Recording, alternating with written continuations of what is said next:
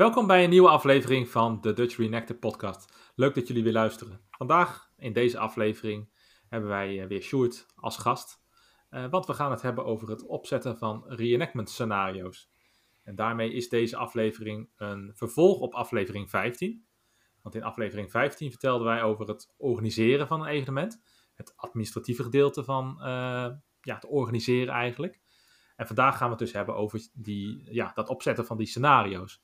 En omdat Sjoerd binnen onze werkgroep uh, eigenlijk de taak heeft om die scenario's op te zetten, hebben wij dus Sjoerd ook uitgenodigd in deze podcast.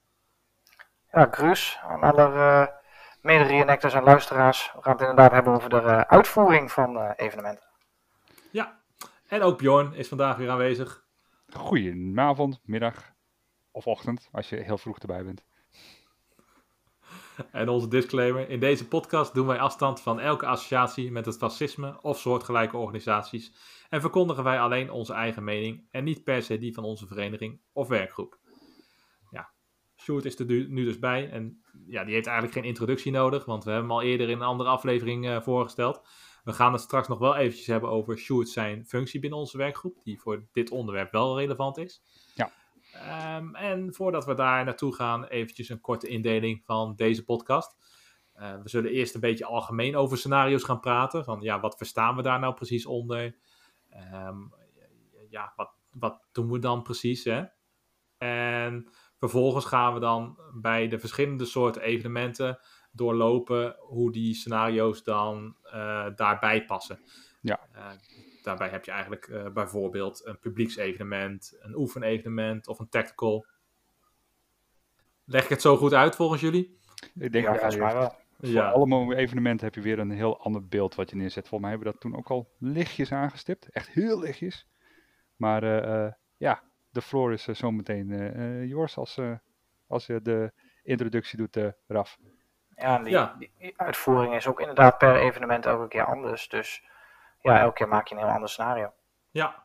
Nou ja, laten we dan dus eerst maar beginnen bij jou, uh, Sjoerd. Jij bent binnen onze werkgroep, ehm, naast dat je in het veld eh, eh, de rang luitenant hebt, functie zoekvuurder, heb je ook nog ehm, een buiten met functie en dat is operationeel coördinator.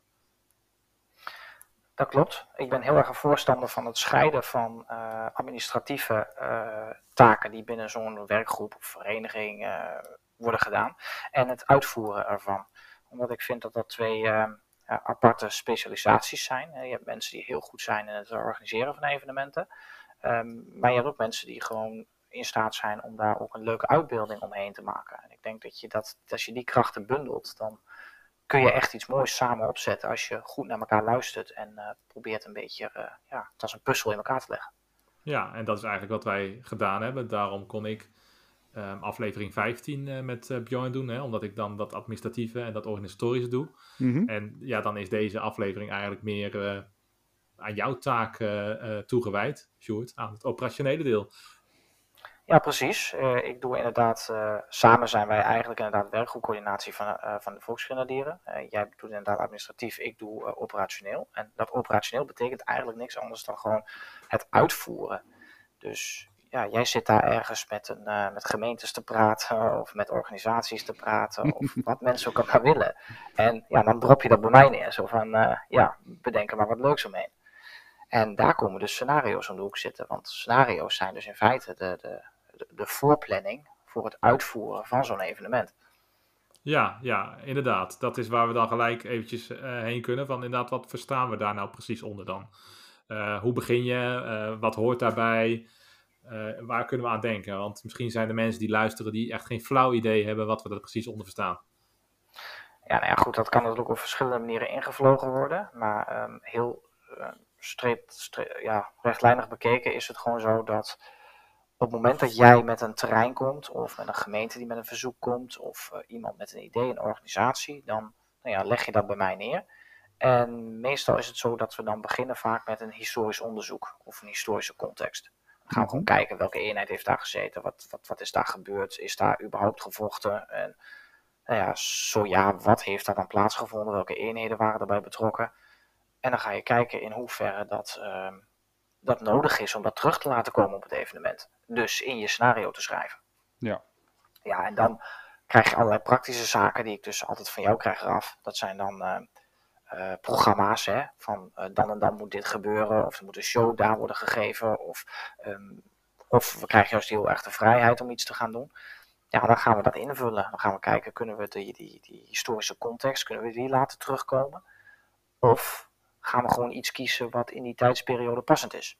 Ja, dus wat niet per se daar heeft plaatsgevonden, maar wat gewoon, ja, wat jij zegt, passend is.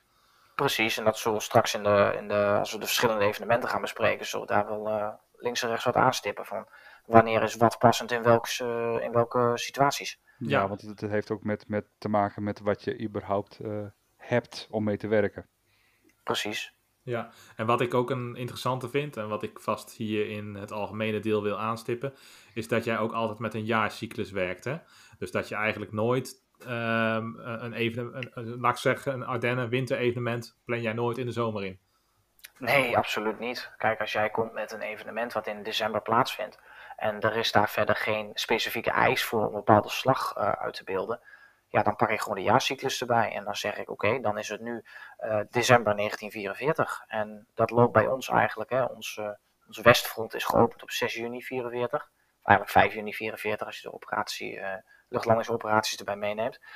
En um, dat eindigt eigenlijk voor ons dan op 5 mei, of soms eigenlijk ook wel 9 mei 1945. Nou, dat is natuurlijk nou ja, toevallig hartstikke mooi. Want ja, dan kun je beginnen in begin juni, begin je dus met de maandcyclus in juni 1944. Nou, dan ga je naar juli 1944, nou gewoon noem maar op, totdat je dan in het doorlopende jaar, jaar daarop, zit je dan in januari 45, februari 45, april 45, mei 45. Nou, dan in mei eindigen we de jaarcyclus dan af. Uh, en dan uh, gaan we daarna verder in juni weer in 1944. Ja, dus eigenlijk elk jaar, elk echt jaar, elk kalenderjaar als het ware, beleven wij de hele Westfront-campagne opnieuw.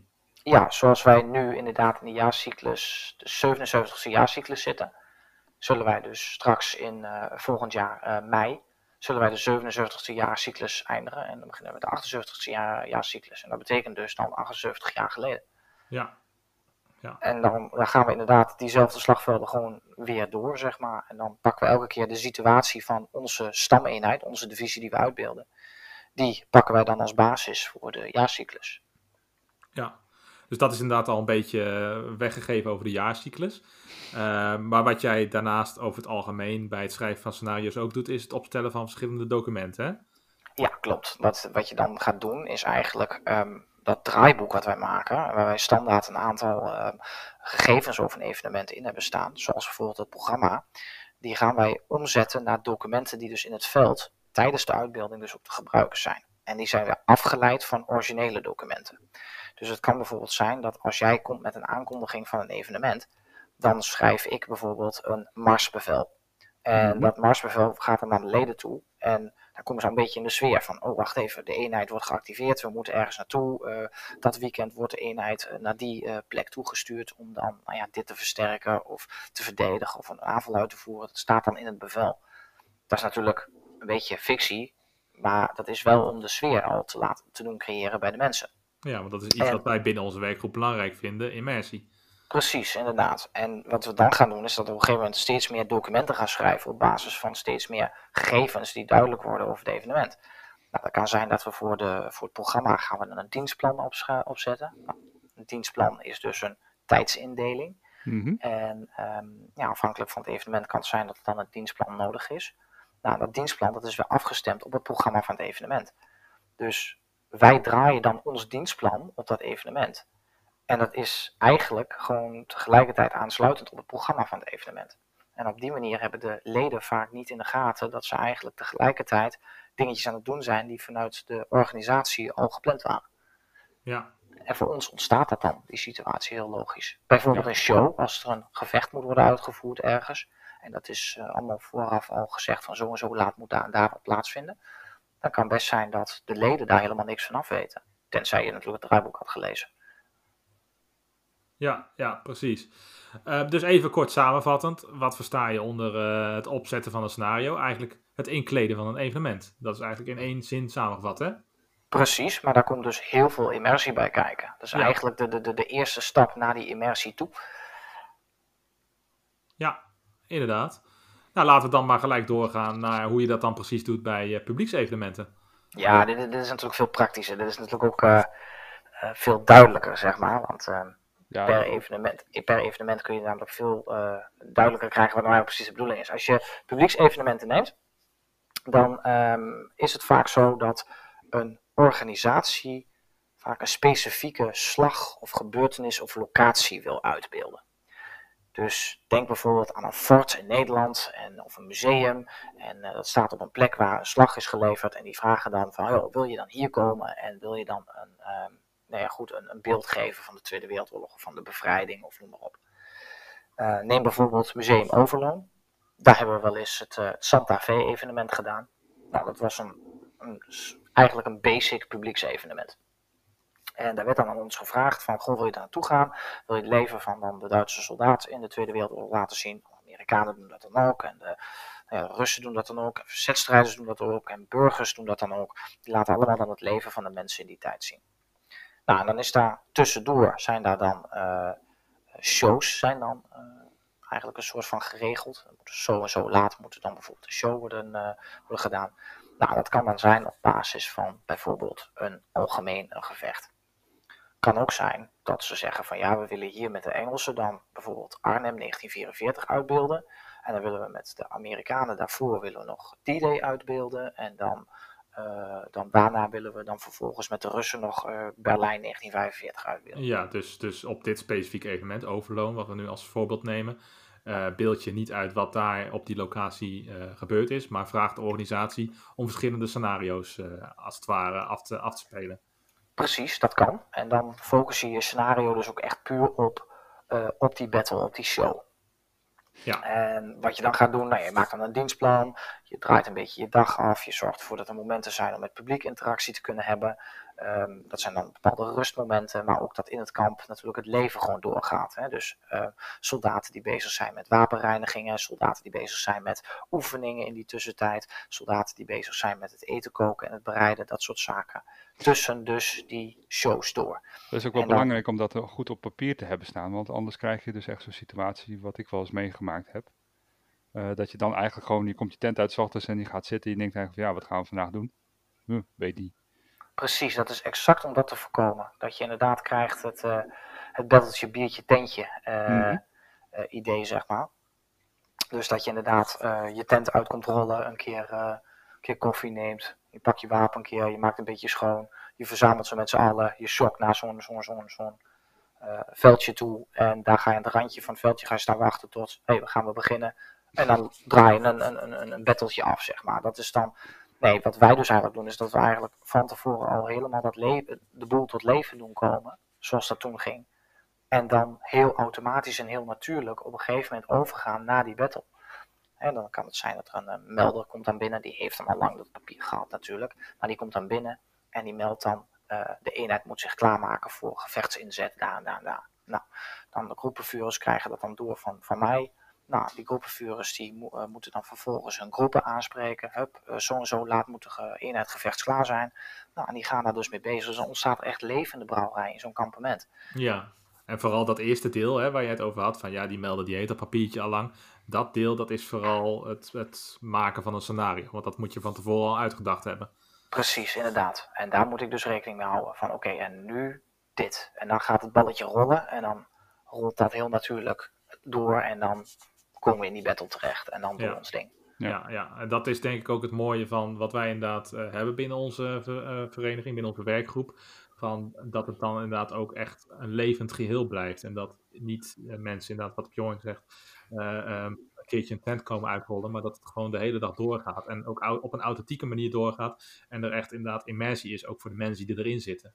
Ja. Precies, inderdaad. En dat is dus eigenlijk ook het hele doel van zo'n scenario. Zorgen dat iedereen in die immersie zit, maar eigenlijk tegelijkertijd ook wel een beetje, je zou kunnen zeggen, gedwongen worden om in die rol te blijven.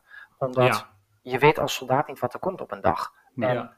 je, je, hoort wat dingen en je ziet wat dingen, je krijgt op een gegeven moment dingen te horen en dan, ja, dan gaat je dag gaat, gaat, gaat, gaat verlopen zoals het verloopt. En jij hebt er verder geen invloed op, want ja, van bovenaf werd er besloten om een aanval uit te voeren. En dat balletje, balletje gaat gewoon rollen. Ja, precies. Wil ik er eigenlijk wel gelijk even bij zetten, want dat, dat pak ik ook even ervaringen uit het verleden natuurlijk. Is natuurlijk ook van, uh, joh, als er überhaupt een organisator zit te luisteren, zo ja, hallo. Uh, je, kunt al, je moet natuurlijk ook wel de, de groepen erbij betrekken om, om het op die manier leven te houden voor je publieksevenement. Nou, ja. inderdaad. Ja, als jij inderdaad het gewoon levend houdt op deze manier, dan, dan is er voor het publiek ook meer te zien. Mm -hmm. Ja. Zeker, en dan zien ze iets anders dan een of andere dikke man die rollend over een, over een veldje heen, heen, heen gaat en een beetje links en rechts om zich heen loopt te schieten. Uh, weet je, en, en ook dat kan wel een stukje immersie zijn, maar ik vind toch dat, ja, als iemand het slagveld opgaat niet wetende wat er gaat gebeuren, dat hij soms een veel natuurlijker reageert dan, um, ja, dan, dan, dan niet, zeg maar. Dan dat hij al weet van, oh ja, nu gaan de Amerikanen komen en daar moet ik op gaan schieten. Nou, dat, dat is denk ik, daar kan ik een heel mooi voorbeeld van noemen. Het eerste evenement dat ik uh, ooit gedaan heb was in de, de, stad Groningen. En ik wist er helemaal niks van. Uh, was, was in het centrum van Groningen. Mm -hmm. En midden in die battle um, hoorde ik, hoor je in één keer een aantal tanks aankomen rijden. En dan, dan reageer je dus inderdaad echt zoals een soldaat van die tijd gereageerd zou hebben. Want je, ja, je wist niet dat die tanks daar zouden komen. En die hoor je dan in één keer aankomen denderen. En dan in één keer komen ze dat plein op. Ja, dan denk je, shit, wegwezen. Ja, precies. Ja. ja dus, dus ik denk dat zelfs die, die, dat kun je dus zelfs in een, in een publieksevenement terug laten komen. Ook al is een scenario gescript. Als ja. ik jou niet vertel hoe de scenario is gescript, maar ik weet wel hoe wij opereren als groep. En, en dat heeft dan ook weer met die voorschriften te maken en al die dingen die we leren. Daar komen we straks ook nog wel even op bij de oefenevenementen. Mm -hmm. Ja, dan, dan, dan kun je daar ook, ook, ook, dingen van tevoren op insteken. Dan weet je gewoon, oké, okay, um, ik weet dat de Amerikanen straks dit en dit gaan doen. Dus ik zorg dat ik die eenheid daar en daar en daar neerzet. En dan gaat er vanzelf dit en dit gebeuren. Ja. En dat weet je dan gewoon, omdat je dat van elkaar om elkaar weer ingespeeld. Althans, ja. als Duitsers zijnde. Dus je weet gewoon, oh ja, als die Amerikanen nu gaan drukken, dan trekt deze groep zich terug. Of ik geef het bevel om ze terug te trekken als ze het niet doen. Ja, precies. Ja. En daarnaast, um, inderdaad, je had het er net al eventjes over van inderdaad bevelen die doorgegeven worden hè, aan groepenvuurders. Uh, jij maakt bij ons ook altijd uh, uh, KSTN's. Ja. Uh, je doet de groepsindeling, hè? Want dat is Ja. ook nog niet altijd uh, heel makkelijk. Kun je daar eens iets over vertellen? Ja, in het Duitse leger is het zo dat um, eenheden op papier waren uh, ingedeeld volgens een Kriegsstarkennachweisung. En die Kriegsstarkennachweisung die, die veranderde natuurlijk wel over de tijd heen. Hè. Het Duitse leger moest natuurlijk ook reorganiseren en aanpassen aan de situatie. En wat vaak ook zo was, is dat uh, commandanten ook vaak de, uh, de vrijheid hadden om zich af te wijken van uh, het KSTN, omdat het KSTN een richtlijn is. Als je bijvoorbeeld het hebt over het oprichten van een nieuwe divisie, dan werd er gezegd van nou, uh, de divisie moet hieruit bestaan en dan hebben we uh, deze regimenten en die regimenten moeten dan opgebouwd worden volgens deze KSTN's. Nou, en dan ging men aan de slag om te zorgen dat men de personele bezetting en de bewapening en de uitrusting zo afstemde conform het KSTN. En als een divisie moest worden gereorganiseerd naar een andere KSTN, dan deed men dat ook. Um, die KSTN's die geven je inzicht in, in hoe een eenheid um, is opgebouwd en hoe een eenheid um, ook wel enigszins dan uh, in het veld werd ingezet. En die KSTN's, dat zijn grote lange tabellen, mm-hmm. waarin je dus ziet uh, hoeveel manschappen er per welke afdeling zijn ingedeeld en welke uitrusting en bewapening ze hebben. Eigenlijk meer bewapening eigenlijk, want je hebt ook nog een aparte lijst voor echt de hele specifieke persoonlijke uitrusting. Um, maar ik gebruik de KSTN dus om ook weer conform de maandcyclus de eenheid op te bouwen. Aan de hand van het totaal aantal leden die zich hebben aangemeld om deel te nemen aan het evenement. Ja. Precies, dat wilde ik zeggen inderdaad. Wat je beschikbaar hebt aan aangemelde leden. Precies.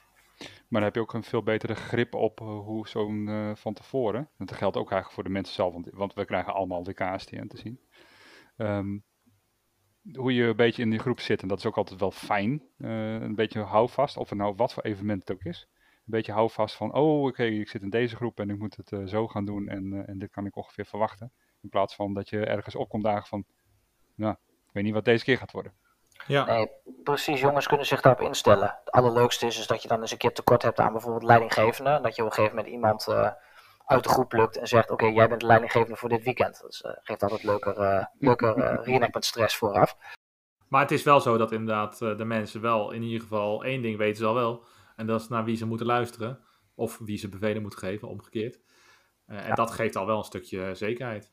Ja, dat is ook eigenlijk wel voorwaardelijk om het op deze manier te kunnen doen. Want ehm, als je dus niet de tijd hebt, dat gebeurt wel eens, hè, dat we een evenement op het allerlaatste moment krijgen, en je hebt niet de tijd om dat op te stellen, dan heb je vaak dat je dat op het evenement zelf nog moet gaan regelen. En dan is het vaak iets minder krachtig, inderdaad. Dus je moet wel. Uh, kijk, dus in het veld, in die tijd was het natuurlijk ook zo dat een eenheid op elkaar ingespeeld was. Dus je moet wel de mensen van tevoren laten weten: hé, hey, jij bent voor dit weekend de groepenvuurder, jij bent de stoelvertreter, uh, jij bent de machinegeweerschutter, uh, jij, jullie twee helpen de machinegeweer. Uh, dat soort zaken moet je wel allemaal van tevoren al hebben afgestemd. Want dan kunnen mensen ook de juiste spullen meenemen, de juiste uitrusting meenemen en nou ja, alles wat ze nodig hebben voor die taak. Ja, om een mooi beeld te kunnen vormen voor de organisatie van het publieksevenement. Want dat is samengevat waar het om draait. Uh, de, de, organisatie die geeft aan wat zij willen. En uh, ja, wij maken daar, of jij vooral, uh, maakt daar dan een, een mooi scenario van. Um, dan kunnen we door naar de oefenevenementen. Want hoe gaan die dan in zijn werking? Nou ja, de oefenevenementen, dat is dus eigenlijk um, heel belangrijk om dus te kunnen werken met scenario's. In feite, met, met die KSTN's, met um, uh, met de dienstplannen en dat soort mhm. zaken. Dus wat wij doen bij een oefenevenement is dat wij daar juist heel theoretisch eigenlijk aan de slag gaan.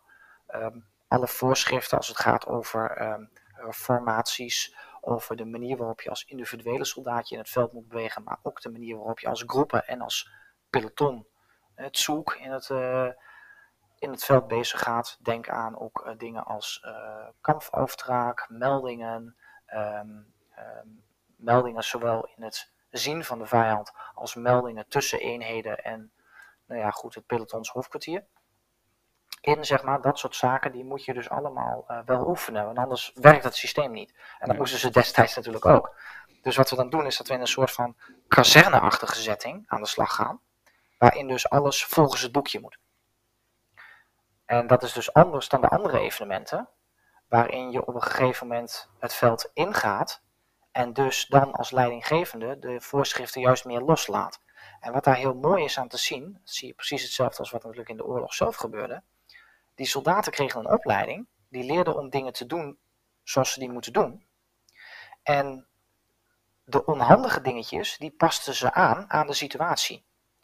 En dat is wat we vaak zien op foto's en op filmbeelden en dat soort dingen. Dat is waarom ik dus ook persoonlijk vind dat filmbeelden en foto's niet altijd geschikt zijn om informatie uit te halen over uitrusting, kleding en noem maar op. Omdat die foto's of die filmpjes, die zijn specifiek van dat moment, van die groepje soldaten of individuele soldaten. Ja, en waarvan de groepenvuren of zoekvuren of wie dan ook misschien gedacht kan hebben van nou, ik ga nu eens een keertje afwijken van de voorschriften, want dat is in deze situatie noodzakelijk. Precies, inderdaad. En die situatie weet je niet altijd. Nee. Dus wat doe je? Is je gaat precies dezelfde situatie creëren als destijds. Je leidt de soldaten op conform het voorschrift. Dat doe je op de oefenevenementen. Maar op de evenementen waarin je echt met uh, gevechten bezig gaat, laat je het los. En dan zeg je dus van ja, als jij dan op dat moment iets net scheef draagt of net anders draagt, ja, dan let je dan niet meer op. Want dat hoort dan ook weer bij nou ja, wat er destijds ook wel eens gebeurde.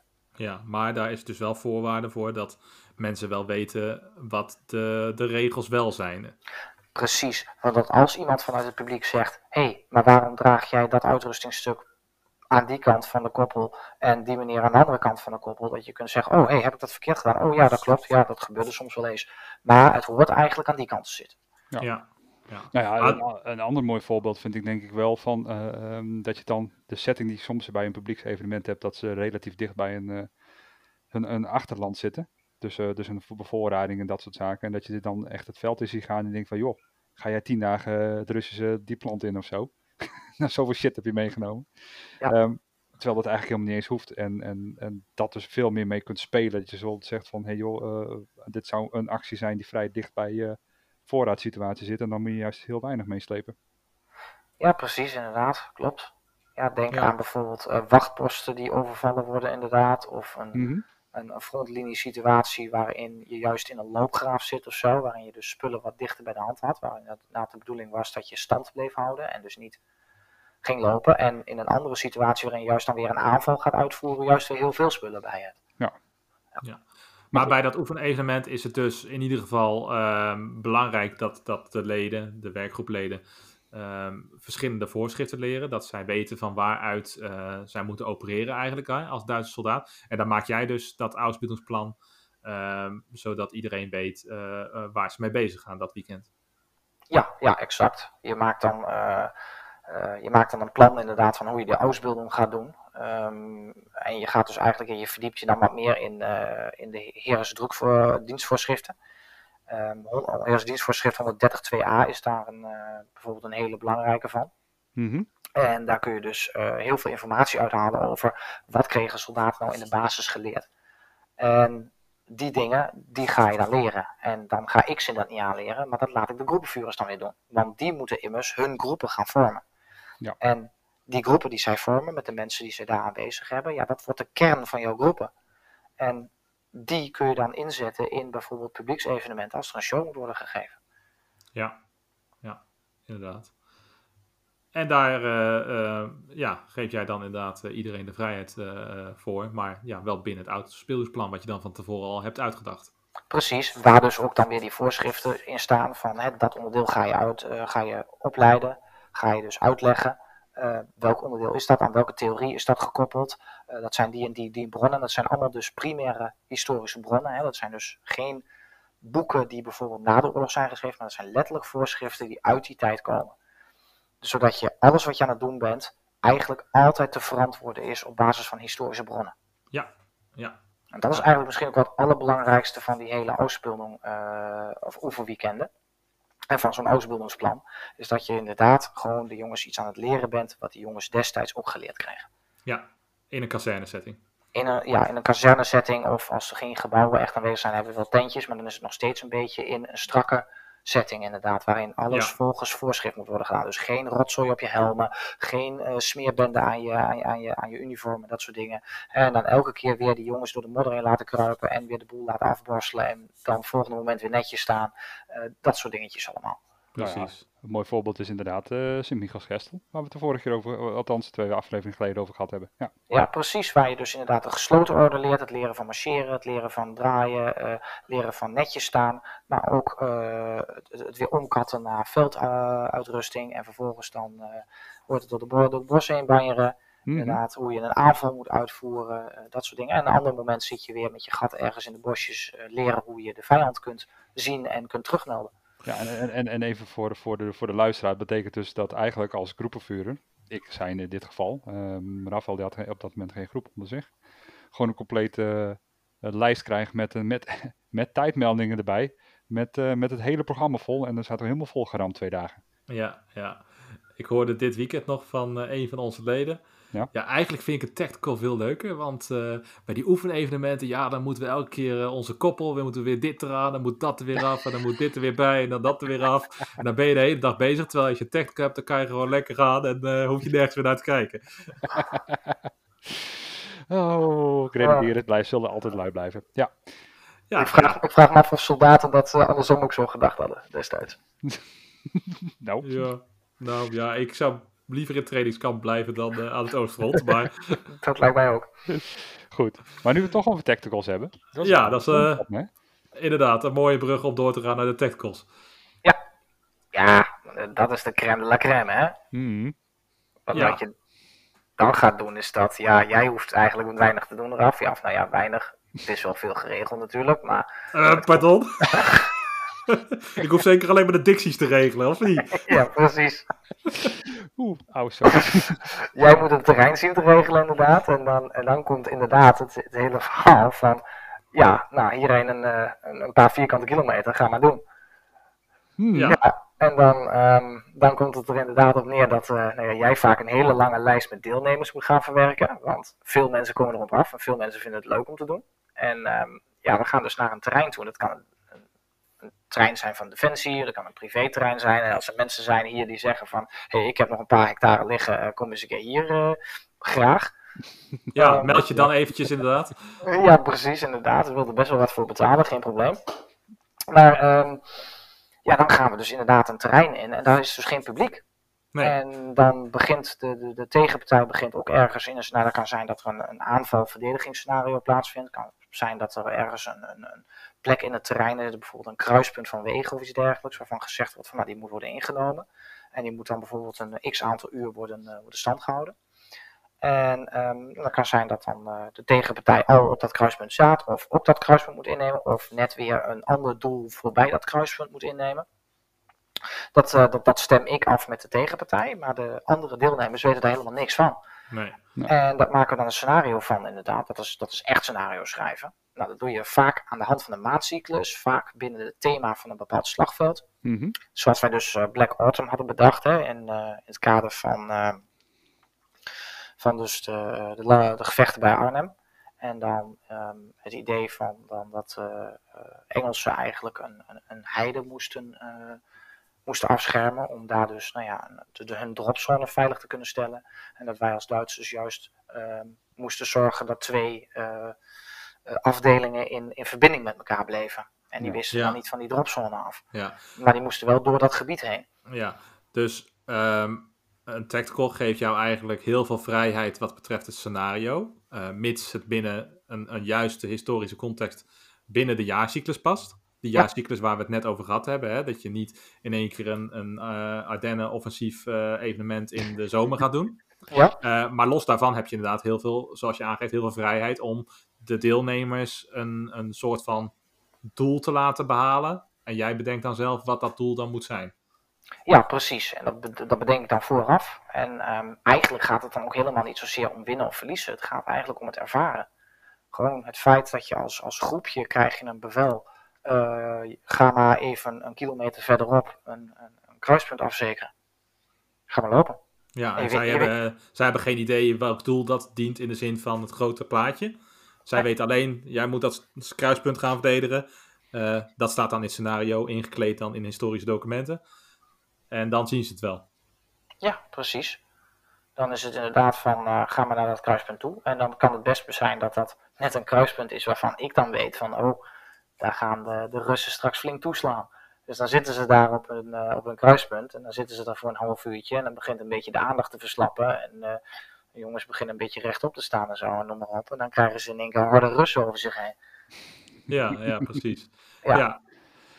Uh, en, en, en soms kan het ook zijn dat ik het ook niet weet. Hè, dat de Russen gewoon een, een, een doel hebben ergens in ons achterland. Waarvan ik weet van oké, okay, daar gaan ze naartoe. Maar via welke route ze precies gaan, weet ik niet. Kijk, en dan komt er ook voor mij het spelelement erin. Hè. Ik heb die groep daar staan, ik heb die groep daar staan, ik heb die groep daar staan. Maar ja, waar gaan ze toeslaan? Dat weet ik niet. Ja, ja. want vaak bouw je ook wel een soort van competitief element in. Hè? Dat er toch een soort van winnaar aan het einde van het evenement uh, uitgeroepen kan worden.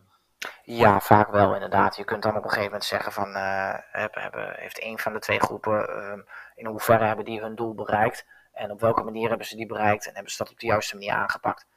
En um, de juiste manier is dus eigenlijk, nou ja, heb je daarmee dus de, uh, de theorie en de gebruiken en gewoontes zoals men dat toen toepast, heb je dat ook inderdaad toegepast. Ja, ja, inderdaad. En daarnaast uh, werk je wel ook met, ja, ik weet niet of ik het goed omschrijf, maar tijdzones. Ehm, heb ik in mijn hoofd zitten. Weet jij wat ik daarmee bedoel? Ja, ja, ja. Um, ik weet wel wat je daarmee bedoelt.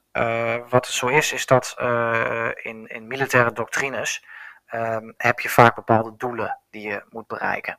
Um, het punt is alleen, als ik bijvoorbeeld een, een groot terrein heb en ik heb meerdere doelen, bijvoorbeeld uh, drie doelen achter elkaar, en je hebt een hele enthousiaste groep en een hele slechte verdedigende groep, wat je dan krijgt is dat die groep dan zo van punt A naar B naar C toe gaat en huppa, het weekend is eigenlijk al voorbij voordat het überhaupt begonnen is. Ja, precies, dat moet je niet hebben. Nee, dus om te voorkomen dat iedereen een beetje um, ook, nou ja, plezier, immersie gaat beleven aan zo'n evenement, dan kan het zijn dat ik dus zeg, hé, hey, maar tussen doel A en doel B, daar zit bijvoorbeeld uh, zes uur tussen. Dus dat betekent dat de, uh, bijvoorbeeld de aanvallende partij, die heeft zes uur de tijd om van doel A naar doel B te komen. Maar zij mogen dus niet binnen die zes uur doel B overschrijden. Dus hebben zij binnen vier uur toch doel B bereikt, dan hebben ze vervolgens twee uur dat ze wacht moeten houden. Ja. En daarin kun je dus ook weer inbouwen dat dan de tegenpartij bijvoorbeeld ook nog weer een tegenaanval kan uitvoeren om ze nog weer eens te verdrijven bij doel B. Ja, ja, dus eigenlijk waar het op neerkomt is dat het uh, uh, ja, toch wel een groot spel is. Natuurlijk met het doel wel ervan te leren hè, als reenactor. Het is een educatief uh, iets nog steeds. Maar, Voor jezelf. Ja, ja, maar er zit wel een spelelement in. Precies, inderdaad, klopt. En het is dan ook vooral positiespel waar het hier om gaat. Hè? Niet zozeer om, oh ja, ik zie jou, ik schiet jou, pief, paf, poef, en jij bent dood. Oh nee, ja. ik ben toch niet dood en we gaan er ruzie over hebben. Nee, het gaat er vooral om, om tijd, om planning, om uh, binnen dus zo'n militaire structuur. Zoals het in die oorlog ook was. Hè? Oorlog is ook vaak heel lang wachten. En dan komt er op een gegeven moment een actie. Dan in één keer moet alles snel, snel, snel worden ingezet. En die beleving, die willen we ook laten terugkomen. Ja, ja. En dan gaat het dus inderdaad, goed dat je dat zegt. Uh, want vaak horen we van beginnende reenactors van, ja, hoe weet je dan dat je neergeschoten bent? Ja, vaak weet je dat niet. En daar gaat het ook helemaal niet om. Uh, want daar heb jij een ander systeem voor bedacht. Ja, dat is dan weer, ehm, dat gaat ook weer op tijd. Hè. Tijd is een heel mooi spelelement wat dat betreft. Um, er is een, een onderzoek geweest in de jaren 60, dacht ik over um, eigenlijk het, uh, het oprukken van een infanterie-eenheid over verschillende soorten terreinen met verschillende mm -hmm. soorten tegenstanders. En daarmee kun je dus een bepaalde verhouding aangeven. Bijvoorbeeld, uh, je hebt de tegenstander, de verdedigende partij, zit in een, uh, een bosrand en jij komt over een open terrein heen. Ja. Als dat dan gebeurt, dan moet jij op zijn minst een aanvalskracht hebben van 3 op 1.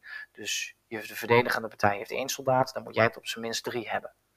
Nou, als je dat omrekent naar tijd, zou je kunnen zeggen dat op het moment dat er een vuurgevecht plaatsvindt in zo'n ongelijke situatie, dan is het om de vijf minuten, gaat er bij de, um, hoort dat bij bijvoorbeeld de, de, de, aanvallende partij, gaan er drie mensen sneuvelen, terwijl aan de andere kant er dus maar één persoon sneuvelt. Ja, binnen dezelfde tijdstempel. Ja, precies. Dus wat er dan gebeurt is dat um, als je daar rekening mee houdt, en je uh, doet dus een aanval, dan weet je dus van oké, okay, op het moment dat ik dit open terrein over moet en ik weet dat de tegenstander aan de overkant, dat zijn er drie of vier man, dan moet ik dus op zijn minst twaalf man hebben, wil ik überhaupt de overkant kunnen bereiken. Ja, en als je dan de overkant bereikt, dan ben je een groot deel van je aanvallende Precies. macht ben je kwijt. Ja. ja, en daar zit dan weer een heel gewonnen systeem achter, wat ook weer op tijd loopt. Want die mensen die dus uitgeschakeld zijn, die zijn niet dood, maar die moeten, zijn gewond en die moeten weer verwerkt worden. Dus die moet je dan weer van het slagveld afplukken. Die breng je naar achteren toe, naar een gewonde post, waar ze dus eigenlijk een soort van time-out krijgen. Nou, en daar kun je ook nog weer eens allerlei systemen inbouwen, dat ze bijvoorbeeld een bepaalde hoeveelheid tijd aan moeten zitten. Ja. Nou, en dat zorgt ervoor dat dus bijvoorbeeld een aanval kan stagneren. En als zo'n aanval dus stagneert, dan moeten ze dus eerst weer wachten op versterkingen. En dat is het moment waarin ze kwetsbaar zijn voor een tegenaanval vanuit de verdedigende partij. Ja, ja. Kijk, en zo, zo zorg je er dus voor dat je dus binnen zo'n tactical best wel realistische situaties krijgt. Waarin je, ja goed, het is natuurlijk wel een stukje, je moet wel een stukje inleven. Mm -hmm. Een stukje immersie gaan voelen natuurlijk. Maar um, ja, je komt er toch wel aardig in de buurt. We, ja, hebben, het maar... een keer, we hebben het gehad in, um, in Arnhem toen, dat we een aanval op een kruispunt hadden. En waarin je zag dat op een gegeven moment een van de voorste groepen echt werd uitgeschakeld. Omdat ze gewoon een, een verkeerde beweging maakten of een verkeerde beslissing maakten. Waardoor ze in de flank werden, uh, werden geschoten. Waardoor er best wel veel man uitviel. En dat we op een gegeven moment dus nou ja, die mensen dus terug naar achteren moesten halen. En inderdaad een soort van time-out moesten geven. Maar met de restanten van die eenheid. En met nou ja, gebruik van de melders en de, de, zoektroepvuren en de uh, bestuurder van de... Uh, hoort dat van de motorfiets uiteindelijk moesten inzetten als infanterie om het gat te dichten. Ja, ja. Maar ja, weet je, je leert er enorm veel van. Want uh, wat jij net in het begin zegt, je, moet, je zal in de eerste plaats al moeten zien te ontdekken wat voor een troepensterkte er zit. Dus je moet verkenners uitsturen. Nou ja, dan als je weet hoeveel er zit, dan, dan moet je nog eens een keertje gaan kijken van, uh, ja, hoe ga ik aanvallen zonder dat ik te veel verliezen leid. En als er dan toch verliezen vallen, dan moet je weer gaan nadenken van, ja, hoe komen die mensen weer terug uh, naar, naar de medische verzorging, hè? Hoe komen ze weer terug aan het front? Uh, nou ja, je moet overal rekening mee houden, wat normaal gesproken in een publieksevenement eventueel, waar dan geen sprake van is. Of in mindere mate sprake van is. Nou, op geen enkele wijze. Zoals ik bedoel, je, je stout jezelf een keer vol met munitie, die schiet je in, in, in vijf minuten doorheen. En dan, uh, dan heb je het wel een beetje gehad bij een publieksevenement af en toe. Ja, vaak wel. Maar ik zit er ook een beetje te denken van ja, het ligt er een beetje aan hoe je het scenario dan inderdaad aankleedt. Hè? Mm -hmm. En welke ruimte je daarvoor van de organisatie krijgt. Want ik denk, je kunt van een publieksevenement ook een soort van tactical maken, wat Sjoerd net ook zei. Um, alleen ja, dat, dat is wel afhankelijk van de speelruimte die je krijgt. Ja. Ja, precies. En bij een, uh, bij een publieksevenement zit je dus veel meer in de hoek van: oké, wat wil de organisatie en wat zijn de eisen van de organisatie? Ja. En daar ga je dan uh, meer op insteken. Terwijl je bij de tactical ben je dus echt bezig met: oké, wat willen we eigenlijk precies uitbeelden? Wat voor slag, wat voor belevenis willen we geven aan de mensen die meegaan? En dan kun je dus eigenlijk een scheiding maken tussen dat je in een publieksevenement eigenlijk gefocust bent op het educatieve gedeelte richting het publiek. Terwijl je bij een tactical veel meer bezig bent met de educatie van jezelf, je eigen belevenis en toch een stukje nou ja, goed, in hoeverre dat kan natuurlijk, want de echte korrels vliegen je niet om de oren. Nee. Maar wel gewoon de ongemakkelijkheden, um, munitie die opraakt, voedsel die op een of andere manier naar voren moet worden gebracht, gewonden die je moet afvoeren, die niet echt gewond zijn, maar wel, um, nou ja, goed, zorgen voor logistieke problemen. Ja, ja, inderdaad. Nou, dan zijn we aangekomen bij het laatste onderdeel van deze aflevering. En dat is uh, waarin wij gaan vertellen wat, wat nou eigenlijk het nut van deze scenario's is. Eigenlijk een korte samenvatting. Hè? Waarom is dit volgens ons nodig en waarom is dit volgens ons de beste manier? Ja, de één woord is natuurlijk immersie. Dat is denk ik waar, wat inderdaad elke keer toch weer terugkomt. Ja. Dat, Ja. en ik denk ook een, een hele belangrijke, ik heb mezelf ook al een paar keer aangehaald, eh, eh, een beetje ook een kapstok voor alles eigenlijk. Een kapstok voor de reenactor, een kapstok voor de organisatie en een kapstok voor het hele evenement. ben ik ook helemaal met je eens. Want ik vind dat de, ehm, het, het omzetten naar historische documenten, ehm, of nou ja, authentieke documenten, en omzetten naar de, eh, het, het, het omzetten van een idee van een organisatie en van een programma na dus het uitvoeren van zo'n evenement, biedt ook de mogelijkheid voor organisaties om dat volledig los te kunnen laten Mhm. zij hoeven niet voor ons te plannen welke soldaat wat waar gaat staan. Kijk, tenzij je natuurlijk een hele specifieke historische situatie wil uitbeelden, dan komt dat aan de orde. Maar als het gaat om eh, het eten verzorgen, het, de boel draaiend houden, ehm, de, de hele immersie, zowel van ons als voor het publiek, dat soort zaken allemaal, dat kun je compleet loslaten als organisatie. Want je weet gewoon, er komt een, een groep op jouw evenement en die groep heeft gewoon een structuur zoals het toen was. Ja, dat is denk ik toch wat elke organisatie zou willen. Dat het inderdaad vanzelf loopt. Precies. En dan kun je in feite tegen de groep zeggen: joh, jongens, ik wil nu dat er dit en dit gebeurt.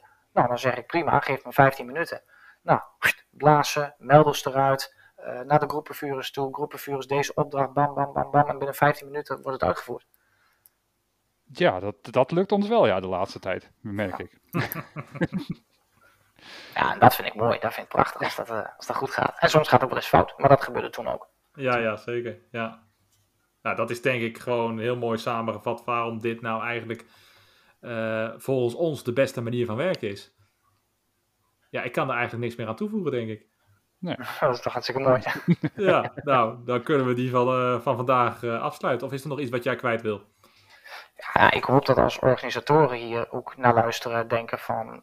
Wow, dit is eigenlijk best wel heel cool. Want je, je, als jij ons vraagt naar een evenement toe te komen, dan weet je gewoon zeker dat je daar een infanteriepeloton krijgt.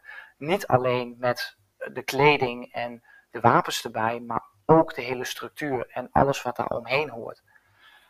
En ik hoop dat ja, toch uh, organisatoren gaan zeggen van hé, hey, dat is misschien best wel heel gaaf om dat ook eens een keer te vragen. Want dat is anders dan de zoveelste vrachtwagen die een keer ergens neerzet met iemand met een pakje aan ernaast. Nou, ik laat hem ook eens even inkleden. Uh, omdat het nou bij ons allemaal zo gangbaar is. Ook als jij er niet bij bent, en dan haal ik even Dordrecht aan. Zit het gewoon bij ons in DNA om toch wel uh, wat te gaan doen en dingen te blijven ondernemen en, en het alles draaiende te houden. Dat is het ook het voordeel van een scenario schrijven voor een groep. De rest van de groep krijgt het ook in DNA terecht. Precies, en volgens mij zijn ze daar toen ook heel tevreden geweest met wat we hebben opgezet. Ja, dat, dat draaide allemaal helemaal mooi door. Ja. Ja, ja, want ondanks dat ik er niet was, heb ik, hebben we wel gezamenlijk daar gekeken. Wat, wat is er mogelijk en hoe kunnen we dat inkleden? En ja, ik was er niet. Prima, dan is de zoekvuur of de luitenant is er niet. Dan is er wel weer een andere groepenvuurder of gefreiter die dan uh, die positie uh, tot zich neemt en dan het plan uitvoert. Ja, precies. En het mooiste van alles, de organisatie, je heet erin omkijken, Minnaar. Nee, totaal niet meer. Ja, ga ik hem daarmee afsluiten. Helemaal goed. Um, Sjoerd, bedankt dat je er weer uh, bij wilde zijn. Um, in de komende afleveringen zullen wij jou waarschijnlijk uh, weer terug gaan horen. Uh, die staan nu in de planning. Ik kan nog niet precies zeggen welke er nu hierna komt. Maar we gaan jou in ieder geval de komende afleveringen weer zien. dus nogmaals bedankt. Dan ga ik deze afsluiten. Als er mensen zijn die deze podcast luisteren en die willen meepraten over dit onderwerp, dan kunnen zij een comment achterlaten onder deze video. En wij nemen vragen altijd mee in de volgende aflevering. Tenminste, als het kleine vragen zijn. Als het grotere vragen zijn, dan kunnen we er zelfs misschien een hele aflevering over uh, schrijven. Mhm. Uh, dus laat gerust een uh, opmerking achter onder deze video. Mag ook kritiek zijn, ook dat horen we graag. En als je deze aflevering leuk vond, vergeet dan ook niet te liken en te subscriben op het kanaal. Subscriben is gratis en dat helpt ons weer om vaker in het algoritme van YouTube gevonden te worden. En als je meer informatie wilt over onze werkgroep, dan kun je die vinden op www.volksgrenadieren.nl. De links staan in de beschrijving. Bedankt voor het luisteren en tot de volgende keer.